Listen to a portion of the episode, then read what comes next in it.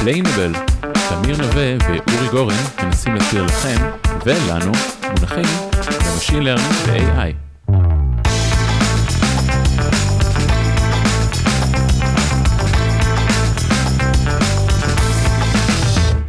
היי תמיר. היי אורי, אז uh, במה משחקים ועם מי משחקים? זאת אומרת, על מה מדברים ועם מי מדברים היום?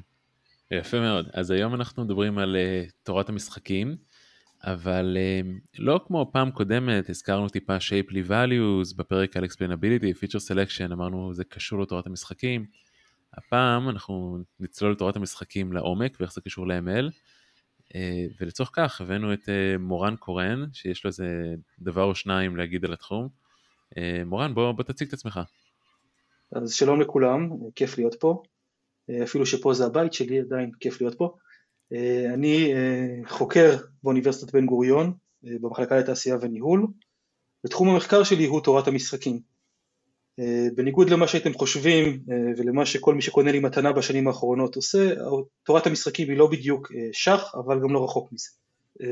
ואני שמח לדבר איתכם פה היום על תורת המשחקים ועל הקשר בין זה לבין, לבין העולם שבו אנחנו חיים, שבו יש מערכות לומדות. אז מורן, אה, קודם כל תודה שהגעת, זה, זה באמת תחום מאוד אה, מסקרן ומאוד מעניין, אבל בוא, בוא נקדיש קצת זמן לפני שנתחבר ל machine learning, בוא, בוא קצת נקדיש זמן להבין קצת מה זה תורת המשחקים, תן לנו איזשהו רקע, אה, זאת אומרת, זה, זה ענף שהוא מתמטי בבסיסו, או, או כלכלה, מתמטיקה, תתקן אותי, בוא תן לנו קצת רקע, מה זה, קצת מושגים, ואחר כך גם נגיע ל machine learning. Okay. אז בואו בוא נתחיל בדוגמה, אני מציע שנשחק איזה משחק קטן מהצורה שלנו. אה, אני עכשיו, אה, אה, בוא נניח שאני עכשיו שוטר ותפסתי את שניכם הולכים ברחוב בתמימותיכם, תורת המשחקים התחילה בתקופת המלחמה הקרה וזו דוגמה שלקוחה מברית המועצות לשעבר פחות או יותר, או מאיך שהמערב תפס את ברית המועצות לשעבר. לקחתי את שניכם, שמתי אתכם בתאים נפרדים, אורי אתה תהיה אסיר א' ותמיר אתה תהיה אסיר ב', כן? אני נכנס לחדר של אורי ואומר לו, אורי, אני יודע שאתה ותמיר עשיתם אה, דבר מה פלילי, אה, אם אתה עכשיו, אה, אם אתה עכשיו תשתוק וגם אסיר ב' שלנו ישתוק, אתה תקבל שנה אחת כלא, אם אתה תשתוק אבל אסיר ב' ילשין עליך, אתה תקבל 15 שנים בפנים. לעומת זאת, אם אתה תלשין על החבר שלך, אתה תלך עכשיו הביתה, והוא יקבל 15 שנים אם הוא לא ילשין עליך, ואם שניכם תלשינו אחד על השני, אני שולח את שניכם לחמש שנים בכלא, אוקיי? אורי, מה תעשה? אני אלשין כמובן. עכשיו, עכשיו, למ, עכשיו בוא נפרוט את השליטה ככה, למה תלשין חוץ מכי אתה רוצה את הפודקאסט כולו לעצמך? כן, בעצם יש את הסיכוי שאני יכול ללכת הביתה מהדבר הזה. אז מה, ש, מה שאורי שלנו עושה, הוא עושה את המחשבה הבאה, אם אני אשתוק, אני מקבל, אם אני אשתוק, אני מעביר את ההכרעה במרכאות לתמיר. אם תמיר ילשין עליי ואני מכיר אותו, הוא ילשין עליי, אה, סתם אני צוחק, אני לא מכיר אתכם, אז אה, זה, אם תמיר ילשין עליי, אה, אה, הוא ילך הביתה ואני אקבל 15 שנה בפנים, שזה משהו שאני מאוד מאוד לא רוצה, אה, אם שנינו נשתוק אני אקבל שנה בפנים, לכן בהינתן שהוא מלשין עליי, אה, ואם הוא ילשין, אה, סליחה, בהינתן שאני שותק, עדיף לא להלשין עליי, נכון? כי אם אני שותק, אה, הוא יקבל שנה אחת אם הוא ישתוק, ויקבל אפס שנים אם הוא ילשין. לכן אני יודע שאם אני שותק, הוא בוודאות ילשין עליי, ואני אקבל 15 שנה. אם לעומת זאת אני אלשין עליו, אז בהנחה והוא שותק אני אקבל 15 שנה. אה, סליחה, בהנחה, אם אני אלשין עליו, בהנחה והוא שותק, הוא יקבל 15 שנה, אבל אני אלך הביתה עכשיו. ואם אני, אה, ואם שנינו נלשין אחד לשני, יקבל רק 5 שנים, ש, אה, זה עדיין פחות מ-15, אבל זה יותר מ-0, ולכן לא משנה מה אסיר ב' יעשה, לאסיר א' עדיף להלשין. הפלא ופלא, אסיר ב' יקבל את אותה החלטה, אוקיי? אז מה היה לנו פה? היה לנו פה שני אנשים שנמצאים בסיטואציה שבה האינטרסים שלהם סותרים, כן? שניהם היו, יכול להיות ששניהם היו מעדיפים לשתוק ולקבל שנה אחת, כן? זה המצב הטוב חברתית, אבל בפועל בגלל ההתנהגות שלהם שניהם עשו פעולה שהובילה לפתרון שהוא לא אופטימלי, למרות שבהינתן ההתנהגות של הצד השני היא כן אופטימלית, אוקיי? זה תורת המשחקים בקטנה. אז זה, זה מה שנקרא דילמת האסיר, זה כזה אחת הבעיות כזה היותר אה, נפוצות, והאמת שאיזשהו משהו שקראתי לאחרונה שהוא מעניין, זה שסטודנטים לכלכלה שלמדו אה, על דילמת האסיר, נוהגים יותר להלשין בנישואים, מאשר סטודנטים לסוציולוגיה או משהו שלא נחשפו. אז זה מעניין כי בעצם זה קצת מאיר את הזרקור על זה שאנשים הם לא באמת מתנהגים בצורה רציונלית וזה גם נתמך במיליון מחקרים, אבל אם הם למדו על זה בתואר אז, אז, הם, אז הם כן, זאת אומרת זה, זה משעשע. אז, זה, אז אני, אני עברתי את הניסוי הזה בקורס אה, בתורת המשחקים עם סטודנטים לתואר שני בכל תחומי ההנדסה ככה שחלק למדו יותר כלכלה, חלק פחות כלכלה ואני יכול להגיד שחלק מהאנשים אה, משחקים אה, את שיווי המשקל הרציונלי וחלק לא. לא בהכרח קשור למה שהם למדו או איך הם למדו. אה, הנחת הרציונליות יש לה הרבה מאוד מגבלות שאנחנו נדבר עליהן, אבל אם אני יכול, אבל מה שמעניין פה יהיה לתת הסברים, אפילו אם אני מניח שאנשים רציונליות, שאנשים הם כן רציונליים, למה, למה בעצם אנחנו לא רואים התנהגות כזאת בפועל. אוקיי? אה, והתשובות הן למשל, אה, אה, אחת התשובות הקלאסיות היא שיווי משקל חוזר, נכון? בסוף ה-15 שנה האלה אני אפגוש עוד פעם את אסיר בית ברחוב ויש סיכוי שנהיה באותה סיטואציה עוד פעם. לכן אולי כדאי לשתף איתו פעולה עכשיו כדי למנוע את המצב, כן? דוגמה נוספת זה חוסר ידיעה, אני לא יודע בוודאות מי יושב מולי, אוקיי? אז אפשר לחשוב על המודל הבסיסי הזה שדיברתי שבו יש לי שני אנשים וכולם יודעים הכל, אני יכול להסתכל על זה בכמה הכללות, כן? אה, אז הבסיס של תורת המשחקים באמת מדבר על ידיעה שכולם יודעים הכל, סוג של משחק שח, כן? אה, יכול להיות מצב שבו אה, כולם יודעים הכל כמו בשח, ויש באמת תוצאה קלאסית שאומרת שלשח קיימת אסטרטגיה אופטימלית, זאת אומרת קיים איזשהו פתרון, קיים איזשהו, יש דרך מתמטית לפתור את משחק השח, כמובן שהיא דרך שהיא לא ברת חישוב, אבל היא קיימת. סוג אחר של משחקים, אפשר לחשוב על שח מול פוקר, נכון? פוקר כולנו מכירים את הכללים, אני יודע מה הקלפים שאני קיבלתי, אבל אני לא יודע מה הקלפים שתמיר קיבל. אני יכול להיכנס לעולם של uh, חוסר ידיעה, שפותח הרבה מאוד אפשרויות, כן? לצורך העניין, לא, נניח שאני לא יודע בדילמת האסיר מה הציעו לתמיר. אם אני לא יודע מה הציעו לתמיר, אני לא יודע בוודאות מה יקרה עם ההחלטה שלי. שוב, דילמת האסיר זה קצת בעייתי בקטע הזה, אבל באופן עקרוני. Uh, זה, שב, זה שיש לי בפוקר uh, זוגה עם אס לא אומר שאני אנצח, כי אני לא יודע מה יש שאר הקלפים באזור. עוד הרחבה שיש זה הנושא של אה, אה, דטרמיניסטי מול לא דטרמיניסטי, כן? שח מול ששבש. אה, בששבש אני, אה, בששבש אה, אני יכול להיות שחקן ששבש הכי טוב בעולם, אם הקוביות לא איתי אני פשוט לא אנצח. ובעצם אה, אה, אתם שואלים למה אנחנו מדברים על זה בפודקאסט רציני, התשובה היא שהתובנות האלה משפיעות עלינו גם אם אני עכשיו מחליט לקנות ביטוח, כן? מצד אחד אה, אה, אני מגן לעצמי מסיכונים, מצד שני יכול להיות שזה יגרום לי לקחת יותר סיכונים בעצמי. ועוד הרבה הרבה מאוד בעיות ש, אה, של התנהגות אנושית שמשפיעות על ההחלטה או התנהגות סמי אנושית, כן, התנהגות אנושית ממודלת. עכשיו, אם נוכל רגע לעשות אולי קצת אה, סדר, הייתי אומר, כי המושגים האלה של תורת המשחקים מאוד מזכירים לנו reinforcement learning, עליו גם היו לנו כמה פרקים, הנושא של סטוכסטי דטרמיניסטי, הנושא שבכלל אה, תגמול, מה זה לנצח, מה זה להפסיד. אמ, איך אתה, כאילו, מה, ש, מה שמעניין אותי לשאול על הקשר בין שתי התחומים האלה, זה אולי מה המטרה. כי ב-reinforcement learning המטרה הראשית היא למצוא את הפוליסי שימקסם את הריוורדים. עבור סוכן, לאו דווקא אה, רציונלי, לאו דווקא שאחרים רציונליים, ווטאבר. מה המטרה של תורת המשחקים? אפשר, יש איזו מטרה כללית מוצהרת של uh, התורה הזאת? אז, אז תורת המשחקים מתמקדת במושג שיווי המשקל. מה זה שיווי משקל? שיווי משקל זה רצף התנהגויות או אסטרטגיות יעילות, אפילו לא יעילות, איזשהו סוג של אסטרטגיות שאנשים יתכנסו אליהן. אוקיי, אה, אה, ניקח עוד דוגמה, כי זו הדרך הכי טובה להמחיש את זה בפוקוס הזה, בועט ושוער, כן? אם אני עכשיו בועט רק לצד שמאל, השוער יקפוץ לצד שמאל. אם אני רואה שהשוער קופץ רק לצד שמאל, אני אקפוץ רק, אני אבעט רק לצד ימין. באיזשהו שלב שנינו נתכנס לאיזושהי אסטרטגיה שבה אנחנו נקפוץ אחוז מסוים מהפעמים שמאלה ואחוז מסוים מהפעמים ימינה, כן? ספציפית בדוגמה של הבועט שוער, ההסתברות הזו כנראה תהיה חצי, אוקיי? ומה שיקרה כתוצאה, ובתורת המשחקים אני מנסה בעצם לאפיין מצבים, כדי לאפיין את האסטרטגיות האלה אה, בצורה אה, אה, נכונה. אולי, אולי למצוא את הנקודת שיווי משקל, זה, זה, זה אפשר להגיד את זה ככה?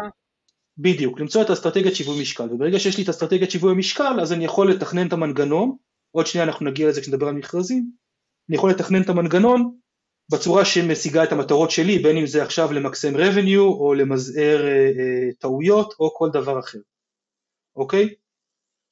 אה, ובעצם אה, בעצם התובנה הזאת שבה אה, ההתנהגות האנושית גוזרת על הדאטה, היא תובנה שהיא חשובה גם לעולם Machine Learning. עכשיו, יש הבדל, יש הבדל מהותי בין הגישות, ההבדל המהותי הוא, כמו כל דבר שבא מקומפיוטר סייאנס, אתם מסתכלים על העולם בצורה שהיא מאוד מאוד פרקטית ואמפירית ואין הנחות ואני לומד את הדברים as I go, בתורת המשחקים הרבה מאוד פעמים אני מניח איזשהו סט של הנחות ואז אני רואה איך העולם מתנהג. ולגשר על הפער הזה זה היום איפה שהמידע נמצא בתחום הזה, זאת אומרת איך אני יכול עם מינימום הנחות להפר את ההנחות של תורת המשחקים המסורתיות, בצד שני כן לשמור על, אה, אה, כן לשמור על איזשהו עניין של שיווי משקל ולראות מה אני יכול להגיד על העולם הזה ספציפית שבו Machine Learning פוגש התנהגות אנושית, אוקיי? אז, אז באמת אני רוצה לקחת אותך לעולם ה machine learning, ובאמת אתה אומר ובצדק איפה הוא פוגש התנהגות אנושית, אז פה נראה לי צריך uh, לתת רגע את ה context, זאת אומרת, אתה לא מדבר על machine learning שמפענח תמונות לוויין, או, או לא יודע מה, מזהה, מזהה uh, אם השיר הזה הוא, uh, הוא מז'אנר הזה או הזה, אתה מדבר על, על Machine Learning שמשרת אנשים, או, או אנשים או סוכנים רציונליים אחרים, אין הרבה סוגים אחרים, אה, ו, ובעקבות התוצאות של ה-Machine Learning, האנשים משנים את ההתנהגות שלהם. אז נכון, זאת אומרת זה הפריימוורק, ובואו אולי ניתן איזה 2-3 דוגמאות. נתת את הדוגמה של... Uh, אה, אה, מוכרי רכבים, מוכרי רכבים נגיד, נכון? בשיחה המקדימה שלנו אתה חידדת לי את זה בדוגמה פרקטית, יש לנו אה, מוכרי רכבים, המוכרי רכבים האלה מתבססים על מודל Machine Learning בלהגיד מה המחיר שבו הם יקרו את הרכב, ולאורך זמן אנשים לאט לאט מגיבים למחירים שהסוחרי רכבים הציעו, שהתבססו על מודל Machine Learning, ומשנים את העדפות שלהם ואת ההתנהגות שלהם, ולכן המודל כבר נהיה לא רלוונטי. אז, אז זאת אומרת, זה ה framework שלנו, נכון? זה פחות או יותר ה framework שלנו, כן. אה, אה, למשל, אה, כשאני בא לקנות רכב, אני יכול להתייחס אל רכב כאל אמצעי שבא להעביר אותי מנקודה א' לנקודה ב'. ואני יכול להתייחס אליו כאל איזשהו מוצר שמשמש לסטטוס החברתי שלי, כן? לצורך העניין, אה, אה, אה, ובהתאם לזה נקבע היחס שלי למחיר, אוקיי? בהתאם לזה נקבעת צורת התנהגות שלי אם המחיר יעלה עכשיו בחמישה אחוז או לא. ולפעמים, ולפעמים, ואם אני מתעלם מזה כשאני מקבל את ההחלטה, אז יכול להיות שאני אקבל תמחור שהוא לא אופטימלי. אוקיי? אני חושב שדרך יותר טובה לראות את זה, זה להסתכל על דוגמה ספציפית קצת אחרת עם הנושא של מכרזים. אוקיי? אה, אני חושב שזה קצת ישים את הדברים בקונטקסט של אה, איפה בדיוק אה, תובנות מתחום המתמטי של תורת המשחקים יכולות לעזור לנו בעולם של למידה. חשוב להזכיר, להגיד, אני חשוב לי להדגיש פה שאין איזה פתרון, המטרה שלי פה בשיחה איתכם היא בעצם לפתוח את הראש של המאזינים שלנו לעובדה שהתנהגות אסטרטגית משפיעה על הדאטה שלי ומשפיעה על איכות התוצאות שלי ולא בהכרח שיש איזשהו אה, מוצר מדף שאני יכול לקחת מהמדף ולהתאים לסיטואציה ולראות אה, מה יקרה. אלא חשוב כשאנחנו מדברים על אנשים שמקבלים החלטות, להסתכל על ההתנהגות האנושית, לנסות לצפות אותה, אה, ותורת המשחקים נותן לי כלי לעשות את זה, ובהתאם לזה להבין את המגבלות של הדאטה שיש לי כרגע ואת המגבלות של מה אני יכול להגיד עליו, ואולי גם אפילו איך לתקן אותם. אז בואו נתמוך את זה בעולם המכרזים. נניח שיש לי עכשיו מפעל שמייצר חפצים שאני רוצה למכור במחיר הגבוה ביותר, אוקיי? ואני רוצה לדעת כמה, אה, אה, בכמה לתמחר אותו. אז דרך אחת שאני יכול לעשות, אני יכול לתמחר אותו, לזרוק מספר מהראש שלי, נגיד, נגיד שהערך הוא בין אה, 0 ל-1000 ביחידות אה, קבועות, אני יכול להתחיל ב-500 ולעשות עץ חיפוש בינארי לצורך העניין, אה, ולמצוא את המחיר שנותן לי את הסיכוי, את האיזון הכי טוב בין הסיכוי למכור לסיכוי לזה. אוקיי? ואז אני לומד, מספר תקופות, אפילו אה, מספר תקופות לארוך במיוחד, אה, אה, אני יכול להגיע למחיר האופטימלי. דרך שנייה שאני יכול לעשות, אני יכול לעשות מה שנקרא מכרז, כן? נניח שתמיר אתה תהיה עכשיו קונה א', ואורי אתה תהיה קונה ב', ונניח שאני רוצה ללמוד את הערכים שלכם ולדעת כמה אתם מוכנים לשלם. אז איך עושים מכרז? הדרך הבסיסית, כל אחד רושם מחיר במעטפה, שם את המעטפה בזה, ומי שקראת את המחיר הכי גבוה מנצח אותו, אוקיי? אז מה אנחנו יכולים להגיד על מכרז כזה? קודם כל, אנחנו יודעים שהערך במעטפה אף פעם לא יהיה יותר גבוה מהערך, נכון? אני אף פעם לא אכתוב במעטפה, לא אהיה מוכן לשלם יותר ממה שהחפץ שווה. לפי, לפי, ידיעתי, כאילו, לפי... לפי כן, כן, לא, אני, אני מניח... כאילו. אני מניח שאתה יודע את החפץ, אוקיי, לצורך העניין, אה, אה, אתה יודע את ערך החפץ עבורך, כן, זה גם הנחה, אתה צודק, זה הנחה. אתה צודק. ואז אני בא ואומר, אוקיי, אז כבר עצם השימוש במכרז הזה שם לי איזשהו אה, מחיר מקסימום על המחיר שאני יכול לגבות, נכון? אין לי טעם לחפש את כל העצים מעל המחיר שזכה פה, אוקיי? כי אני יודע שזה הערך שאתם מוכנים לשלם, אוקיי? נניח שה... אוקיי? ואז אני בא ואומר, אוקיי, בוא נסתכל על מחיר טיפה אחר, אבל מה הבעיה פה? הבעיה פה זה שתמיד יש למי שזכה תמריץ להציע קצת פחות ממה שהוא זכה פעם קודמת, נכון? אם זכיתי ב-100, זה אומר שאני, אה, הצעה 100 הכי גבוהה, עכשיו שווה לי להציע 99, אוקיי? לי בתור הקונה. אני עדיין חושב שהמוצר שווה 100, אבל בגלל שאני משלם את מה שאני אומר, בהנחה שאני זוכה, שווה לי תמיד לרדת למחיר נמוך יותר. אז בואו נסתכל על מחיר אחר, מחיר מכרז שני מה שנקרא, אוקיי? במחיר מכרז שני, הזוכה בחפץ הוא מי שנתן את המחיר הגבוה ביותר, ש... ומה שהוא משלם, הוא משלם את המחיר השני בגובהו, אוקיי? זה אומר אם uh, תמיר הציע 100 ואורי הציע 95 אז תמיר ישלם 90, יקבל את החפץ אבל יקבל 95. Okay? אוקיי? בכזה מצב כמו קודם לא שווה לאורי, לא שווה לתמיר להציע מחיר יותר גבוה מהערך שלו כי מחיר יותר גבוה גם אם הוא מנצח הוא יכול להיות שהוא יפסיד. אוקיי? כן שווה לו להציע מחיר יותר נמוך, לא שווה לו להציע מחיר יותר נמוך כי בכל מקרה המחיר שהוא ישלם נקבע על בסיס ההכרזה השנייה בגובהה ולא על בסיס ההכרזה שלו. ולכן במציא, במחיר כזה אחרי שאנחנו נעשה איטרציה אחת של המודל אני בעצם מקבל את כל מיפוי, הלק... מיפוי הערכים האמיתיים של הלקוחות הפוטנציאליים ואני יכול לקבוע את המחיר גבוה אה, אה, בהתאם לתוצאה שקיבלתי. וחסכתי הרבה מאוד כסף של איסוף דאטה, של איסוף תצפיות, בזכות תוצאה שהיא בתורת המשחקים. כמובן שכדי לנצל את התוצאה הזאת בעולם האמיתי אני צריך להבין את מגבלות המודל ולהבין אה, מתי זה עובד, מתי זה לא עובד, למה זה עובד, למה זה לא עובד, אוקיי? אבל עדיין יש פה איזושהי תובנה שהיא תכלס, אם אני עכשיו משתמש ב-second price auction, אני אצפה לקבל את ה-real valuation.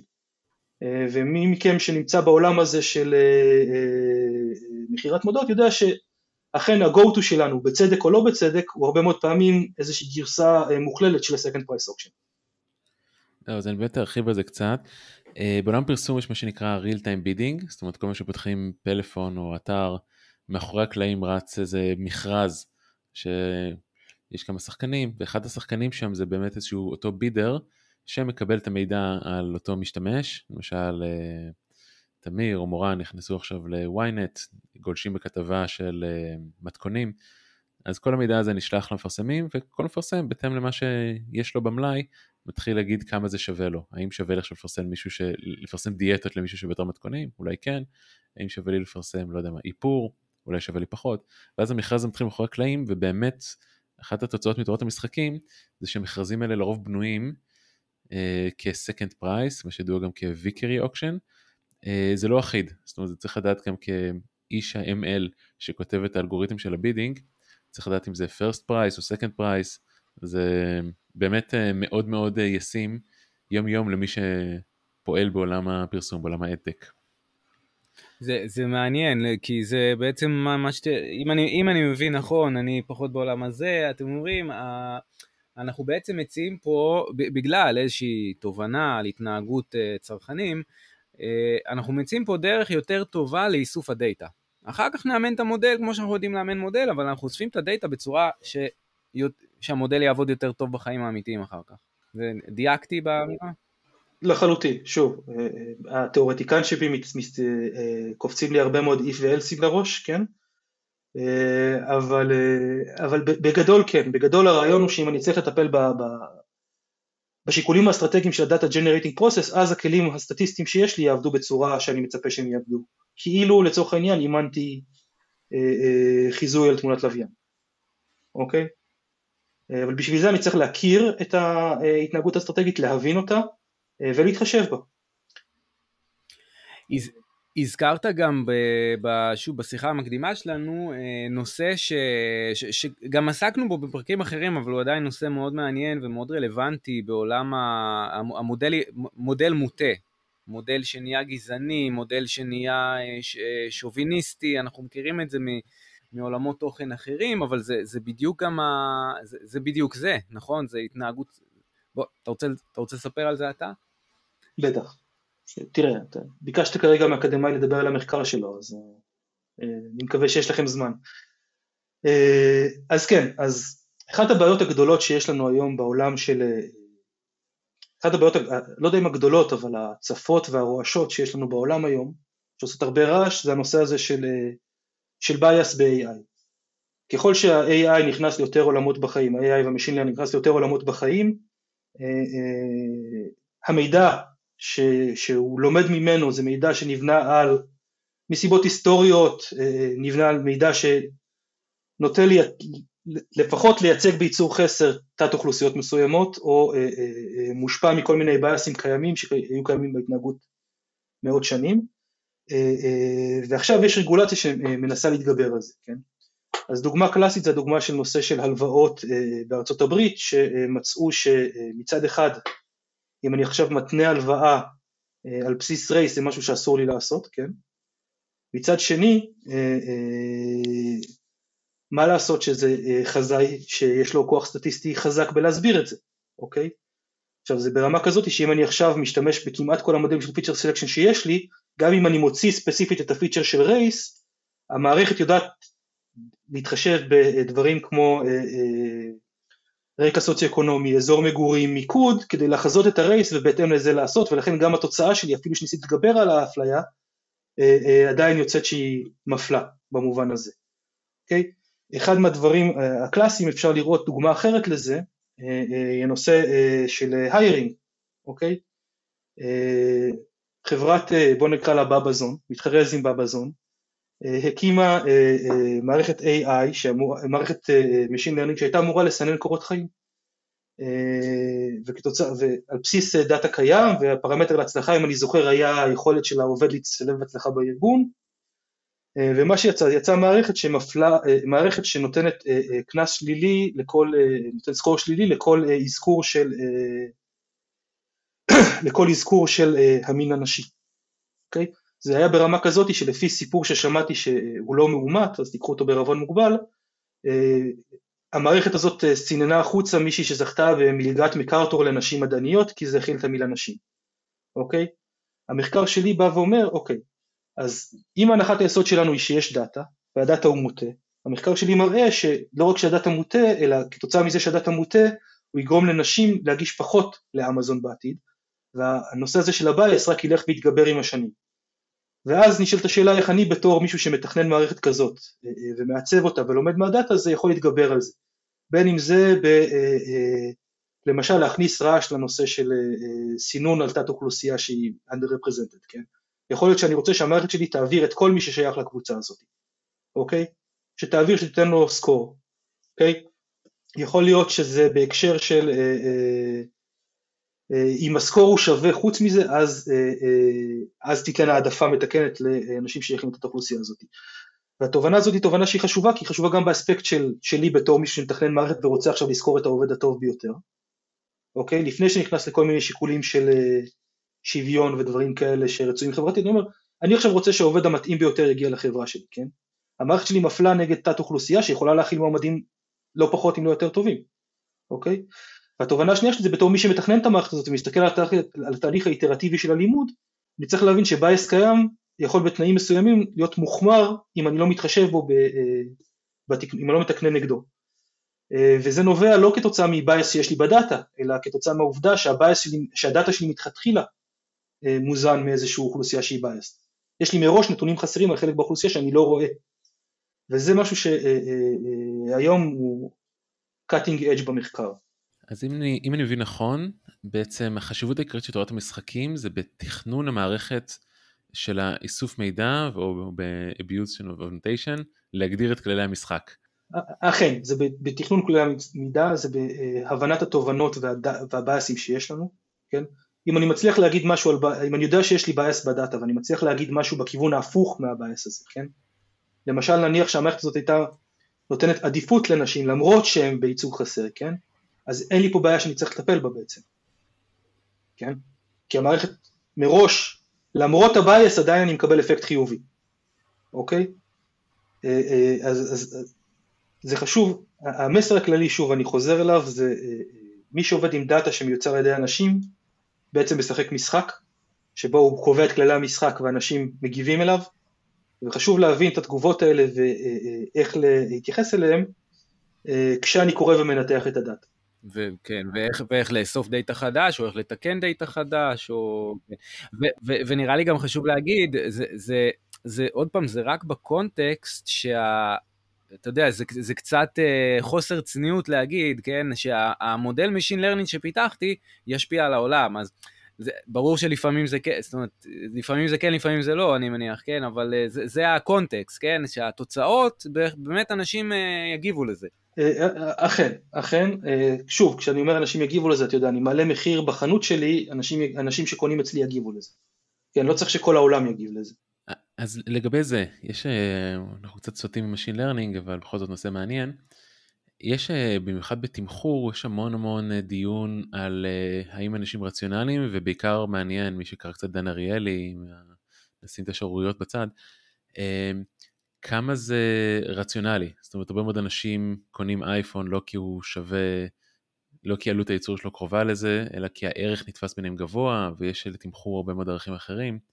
ואנחנו יודעים שיש הרבה מאוד בייסים של אה, אנושיים שאנחנו גוררים איתנו מאבולוציה, סוואנה וכדומה, שהם לא רציונליים, כן, אנשים הרבה יותר מפחדים להפסיד כסף מאשר להרוויח כסף, גם אם התוחלת אותו דבר, יש הרבה מאוד בייסים אנושיים שלנו כ- כאנשים ולא כמכונות. עכשיו שאת פה השאלה, אם הבנתי נכון, תורת המשחקים ברובה מניחה סוכן רציונלי, קר וכדומה, ודווקא פה אולי אם אני מנסה לפרש את הדברים אחרת, זה נשמע כאילו Machine Learning לא מניח רציונליות, נכון? זה, זה הבדל, זה דקות נכונה? כן ולא.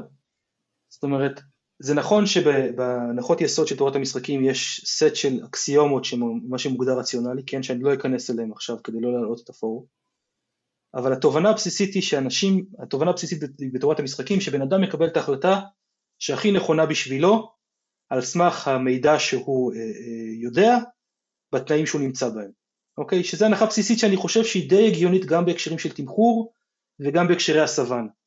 אוקיי, עכשיו נשאלת השאלה איך אני לוקח את מה שאתה אמרת עכשיו וממדל אותו, אוקיי?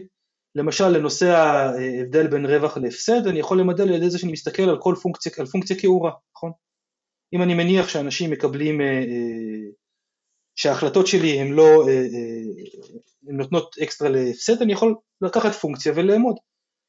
ולאמוד את, ההפסד, לאמוד את איך אנשים סובלים מהפסד מול איך שהם מרוויחים ניסיון.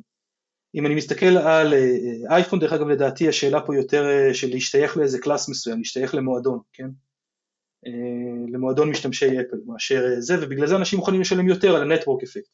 Network Effect זה דבר שהוא נלמד מאוד בתורת המשחקים, אה, ואנחנו יודעים איך לכמת אותו ואיך להכניס אותו למודל, אוקיי? אז אם אני עכשיו מוכר מוצר שיש לו Network Effect, יכול להיות שאני צריך להתחשב בכלי ניתוח שמונעים גם מ-Social Network Analysis או מכלי תחומים משיקים. החשיבה, החשיבה היא, ואני מכיר את הביקורת גם של דן אריאלי וגם של אה, קהנמן, והיא ביקורת לגיטימית ונכונה, החשיבה היא איך אני לוקח עכשיו את המציאות ושם אותה באיזה framework של אני יודע להגיד שאנשים בוחרים את ההחלטה הטובה ביותר ומה זה אומר. אה, וזה בהחלט משהו שאנחנו צריכים להתחשב בו, כן? אה, אם אני עכשיו מייצר NFT אז אני רוצה לייצר נטוורק, נכון? אם אני רוצה ללמוד איך לתמחר NFT באמצעות אה, כלים אוטומטיים, אז לא מספיק לי ללמוד, כי אני צריך גם ללמוד את כל מיני, כל מיני דברים שאני לא רואה, כמו למשל המחיר של ה-NFT שלי יהיה שונה היום, והוא יהיה שונה אם יהיה לי עכשיו 200 אלף אה, אנשים שקנו NFTs מהסדרה הזאתי, וזה יהיה שונה אם יהיה לי 100 אנשים ואשטון קרוצ'ר אחד, אוקיי? אה, אז, אז כל הדברים האלה זה דברים שעל ידי לבנות מודל מתמטי שמתאר אותם ואז להכניס את זה ללימוד ולהגיד אוקיי, למדתי ככה זה נותן לי אה, אה, אה, תובנה כזאת, זה משהו שהוא מאוד מאוד חשוב אה, אה, לדעתי בתחום. מעולה, אז מורן המון המון תודה, היה פרק מרתק, ואני חושב שאנחנו נגענו ממש רק על קצה המזלג מכל מה שיש לתורת המשחקים להציע. לפחות הבהרנו כזה קצת את החשיבות של בניית המנגנון גם על איסוף הדאטה וחוזר חלילה. אה, מי שרוצה ליצור איתך קשר, איך, אה, איך מומלץ? אה, באימייל שלי, קורן מור את bgu.acal. חשוב לי להוסיף רק שהנושא הזה של לקחת תובנות, אני יודע שהדיון שלנו היה קצת תיאורטי, הנושא של לקחת תובנות ולהוריד אותם לתכלס לכלי עבודה זה נושא שהוא מאוד חם מבחינת מחקר ואני מניח שגם אצלכם. אז צרו קשר, אשמח לשמוע. תודה רבה, ואנחנו נתראה בפרק הבא.